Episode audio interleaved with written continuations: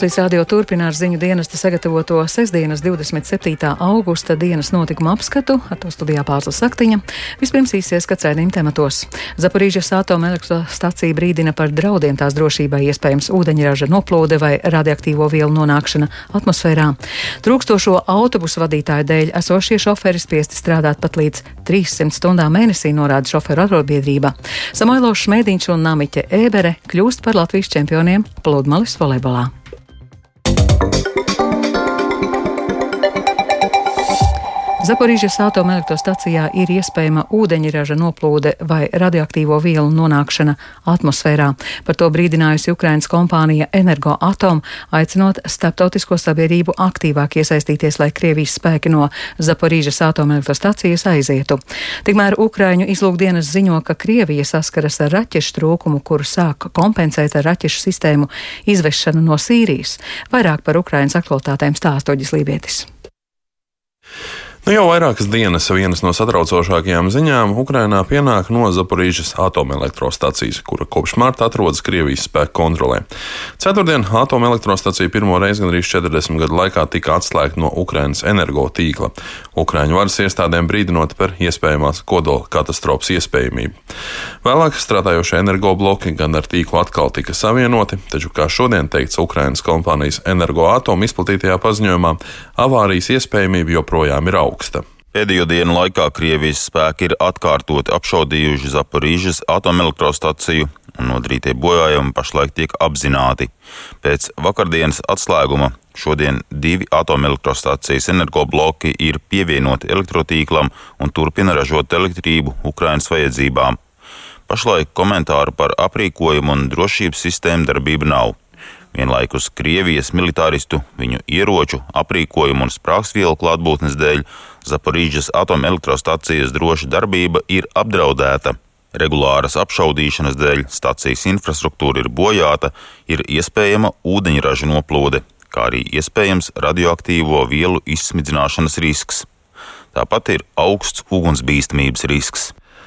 Kompānijas paziņojumā arī norādīts, ka tuvojoties gaidāmajai starptautiskās atomenerģijas aģentūras ekspertu vizītei stacijā, palielinoties arī Krievijas spēku izdarītais spiediens uz stacijas darbiniekiem. Šāda spiediena mērķis ir novērst liecību sniegšanu par okupācijas spēku pastrādātiem noziegumiem atomelektrostacijā, kas faktiski ir padarīti par Krievijas spēku militāro bāzi. Energoatom arī vēršas pie starptautiskās sabiedrības, aicinot to piespiest, lai Krievija atdod atomelektrostaciju Ukrainai, tādējādi novēršot draudus visai cilvēcei. Ukrainas izlūkdienas tikmēr ziņo, ka Krievijai ir atlikuši ne vairāk kā 45% no raķetēm, kas tai bija februārī. Ukrainas aizsardzības ministrijas galvenās izlūkošanas pārvaldes pārstāvis Vadims Skibitskis piebilst, ka īpaši sarežģīta situācija iebrucējiem esot ar raķetēm Iskander, no kurām atlikuši tikai 20% vai pat mazāk. Sarežģīta situācija esot arī ar spārnotajām raķetēm kalibra, un tāpēc to vietā Krievu pret zemes mērķiem izmantojot pielāgotas pretkuģu raķetes H-22 un zenīta raķetes S-300. Taču arī to krājumu izsīkstot, un vienlaikus tiek saņemta ziņa, ziņas, ka Krievijas armija ir sākusi izvest arī Sīrijā bāzētās pretraķešu sistēmas S-300, lai tās iespējami izmantotu Ukrainas karā. Kā šodien ir paziņojis Ukrainas prezidenta biroja padomnieks Mihailo Podoļaks, kara izbeigšanai ir tikai viens ceļš, un tas paredz Krievijas militāru sakāvi, Ukrainas teritoriju atgūšanu, noziedznieku tiesāšanu, kā arī Krievijas federācijas transformācijas sākšanos. Pēc Podoļaka vārdiem vēlme uzvarēt ir nepieciešama tikpat daudz, cik ieroču. Viņš arī uzskata, ka jebkādi mēģinājumi panākt kompromisus novedīs pie smagām sekām visai cilvēcei. Arī Ukrainas Nacionālās drošības un aizsardzības padomas sekretārs Aleksijs Daņīlovs ir paziņojis, ka Ukrainas sabiedrība nav gatava piekrist kaut kādām Mīnska trīs sarunām. Viņš ir izteicies, ka nekādā gadījumā nedrīkst uz noteiktu laiku iesaldēt karu. Vienlaikus Daņielovs atzīst, ka pašlaik pret Ukrainas prezidentu Valdemiru Zelenski un Ukrainu kopumā tiek īstenots masveidīgs informatīvais karš, kurā viens no galvenajiem vēstījumiem ir tāds, ka rietumi it kā ir aizmirsuši par Ukrainas karu. Pēc Daņilo vārdiem tas neatbilst patiesībai, jo Ukrainas vienotību un nedalāmību atbalsta visa civilizētā pasaule. Uģis Lībijams, Latvijas Radio. Iepirkuma uzraudzības birojas nākamajā nedēļā skatīs kompānijas Jārva sūdzību par valsts uzņēmumā Latvijas valsts ceļi konkursu, kurā tā meklē transporta līdzekļu vidēja ātruma kontrolas sistēmas ieviesēju vairākos autoceļu posmos. Iepirkumā pieteicās pieci pretendenti, bet līguma tiesības piešķirtas Lietuvas izcelsmes firmai FIMA. Tā bija iesniegusi lētāko piedāvājumu vidēja ātruma radaru, solot ieviest par 1,2 miljoniem eiro. Sāsinājies sabiedrisko autobusu vadītāju trūkums. Uzņēmums Rīgas satiksme problēmu risina vairākus autobusu maršrutus, aizstājot ar trolejbusiem. Savukārt cirkstošo liepājas autobusu parka šoferu vietā daļu reisu veiks citi komersanti. Autotransporta direkcija apgalvo, ka pārvadātājiem situācija ar autobusu vadītājiem ir dažāda. Turpretēji šoferu arotbiedrībā uzskata, ka nozare ir zem riteņa. Vairāk stāsta Viktors Demīdovs. Galvaspilsētas uzņēmums Rīgas satiksme, kas ik mēnesi pārvadā daudzus miljonus pasažieru, no kuriem lielākā daļa izmanto autobusus, ir saskāries ar autobusu šoferu trūkumu. No apmēram 800 vadītāja vietu uzņēmumam tagad trūkstot 60 speciālistu. Rīgas satiksmē skaidro, ka būtisks iemesls ir zemais atalgojums, kas ir no 1400 līdz 1600 eiro uz papīra. Savukārt trolēbusu šoferu ir pietiekami daudz. Turklāt spēkratu daudzums esot liels, tāpēc uzņēmums nolēmis no septembra 1, 5, 14 un 59 autobusa maršrutus aizstāt attiecīgi ar 31, 35, 34 un 20 trolēbusa maršrutiem. Turpina uzņēmuma pārstāve Baiba Bartaševiča Feldmane. Jā, autobusu vadītāja trūkums pat labāk ir, un tam varētu būt arī šie divi faktori veicinošie. Viens ir pēdējā laika izmaiņas, kas um, radīja papildus autobusu vadītāju nepieciešamību. Tās ir izmaiņas gan daļa brāzas tilta, kur tad 11. tramvajs tika aizstāts ar autobusu, kā arī attiecībā uz 5. tramvaja izmaiņām, kur arī tad daļai maršrutā kursē 5. autobusus. Un otrs, protams, ir šis autobusu vadītāju, respektīvi iespējas konkurēt vai konkurence ar citiem pārvadātājiem, gan ar citiem sabiedriskā transporta, gan ar privātajiem, gan arī ar kravu pārvadātājiem. Līdz ar izmaiņām no 1. septembra šīs neaizpildītās vakances būs apmēram 19, 20. Ar autobusu vadītāju trūkumu saskaras arī citi komersanti, piemēram, Liepājas autobusu parks.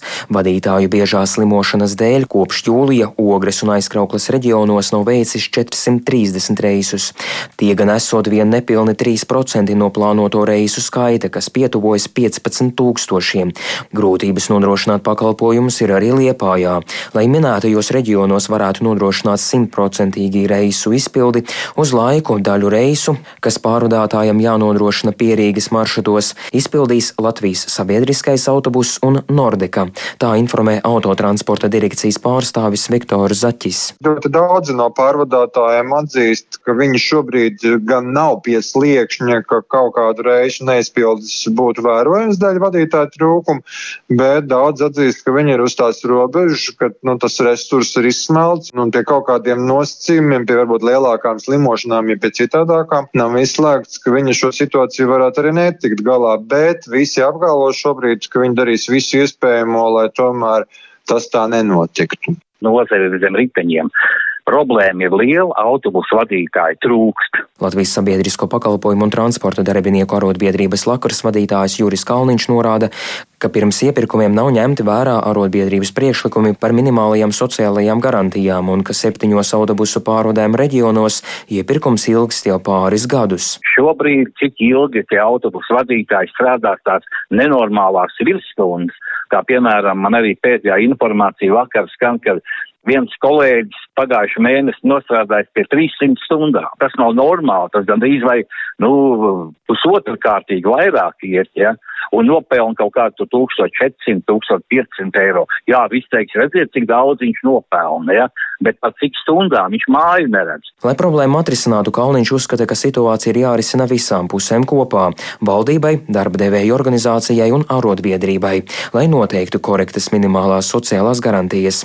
Taču pagaidām nekādas kustības no valdības nesot. Viktors Demidovs, Latvijas radio.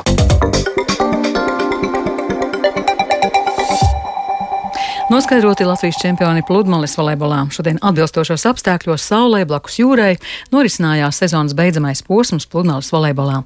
Un vairāk par sacensībām pastāstīs Lotārs Zariņš, kurš pievienojas tiešraidē. Sveiks, Lotār, kā, kas šodien, kā volejbolistiem šodien sekmējās Majora pludmales smiltīs?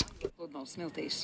Jā, sveiki pārsla un sveiki klausītāji. Jā, laikapstākļi bija perfekti labām sacensībām. Viena no turnīra aizraujošākajām spēlēm bija jau ceturdaļa finālā. Vīru starpā tikās iepriekšējā posma uzvarētāji Rudolfs Stankovičs un Artūrs Inkevičs ar Edgaru Toču Kristiānu Fokerotu. Saspringtā mačā trīs setos panākums jaunībai. Stankovičam Rinkevičam viņa arī tika finālā. Bet ķeroties klāt rezultātiem, tad bronzas mačā dāmām divos setos uzvara Luīzai Skrastiņai un Martai Ozoliņai. Klausāmies, ko tad abas sportists sacīja pēc starta. Es personīgi vismaz gaidīju, kad uh, būs nu, sīvi, jo, jo meitenes Vēnspilsnes ir diezgan labi pielikušas. Bet uh, mēs kaut kā pašas, visas četras, es gribētu teikt, spēlējām tām baigi mierīgi. Visas tās spēles gaita bija tāda mierīga, bija kaut kāda momenta, kur bija kaut kas tāds tā agresīvāks, agresīvāks, servers, agresīvāks uzbrukums.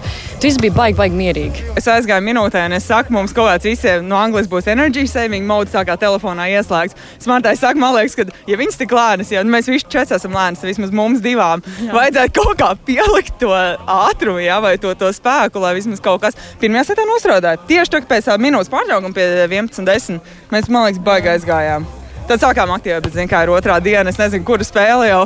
Kuru spēli jau. Tikmēr kungiem pēc diviem setiem bronzas godalgas kaklā kā Arnēs Reliņš un Dāvis Tēteris. Klausāmies abus sportistus. Jā, ļoti labi, ļoti veiksmīgi. Šajos karstajos apstākļos jau piektā spēle mums Jā. bija grūti kājās, nogurums iestājies, bet bija ļoti labi. Jā, abas komandas bija nogurušas, kā iepriekš teicu, otrā diena šādā karstumā, daudz spēles. Varēja redzēt, kā viens diviem spēki sāk izsikt. Mēs jau knapi no grupas tikām ārā. Tas bija laikam vissvarīgākais. Jā, mēs uh, uzvarējām Graudiņu un Bulgaču, ja, Liepājas čempionus. Tad arī pēc tās spēles sākām arī labāk spēlēt. Pirmā spēle zaudējām, tā kā katra nākamā bija jācīnās. Ne, savādāk citu variantu nebija.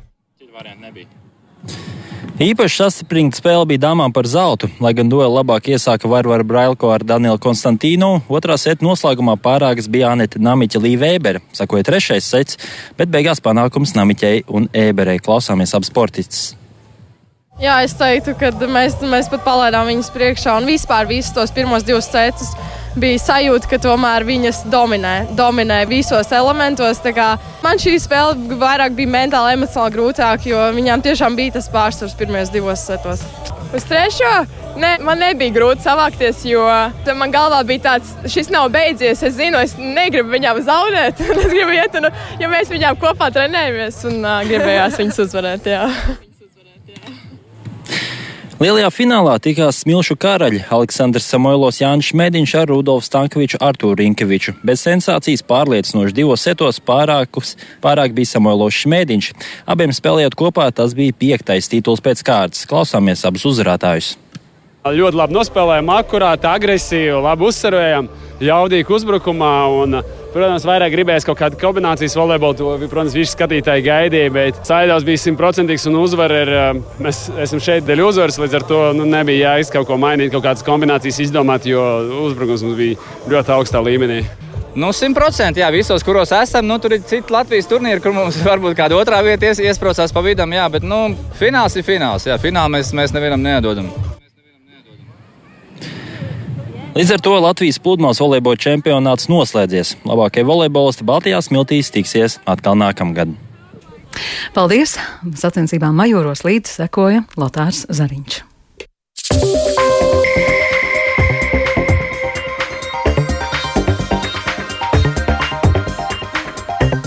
Un līdz ar to izskan dienas notikuma apskats. Producents Edgars Kupčs ierakstus montēja Ulris Grīnbergs, par labskaņu rūpējās Katrīna Bramberga, ar jums runāja Pārslas Saktiņa. Īsti par svarīgāko Zaporīčas atomelektrostacija brīdina par draudiem tās drošībai, iespējama ūdeņraža noplūde vai radioaktīvo vielu nonākšana atmosfērā. Trūkstošo autobusu vadītāju dēļ esošie šoferi spiesti strādāt pat līdz 300 stundām mēnesī, norāda šoferu arotbiedrība. Un Samoilošs Mediņš un Namiķa Ēbere kļūst par Latvijas čempioniem pludmales volejbolā. Šī raidījuma atkārtojums raidierakstu platformās un Latvijas radio mobilajā lietotnē. Latvijas radio ziņām sekojiet arī Latvijas radio viens Facebook lapā un LSMLV.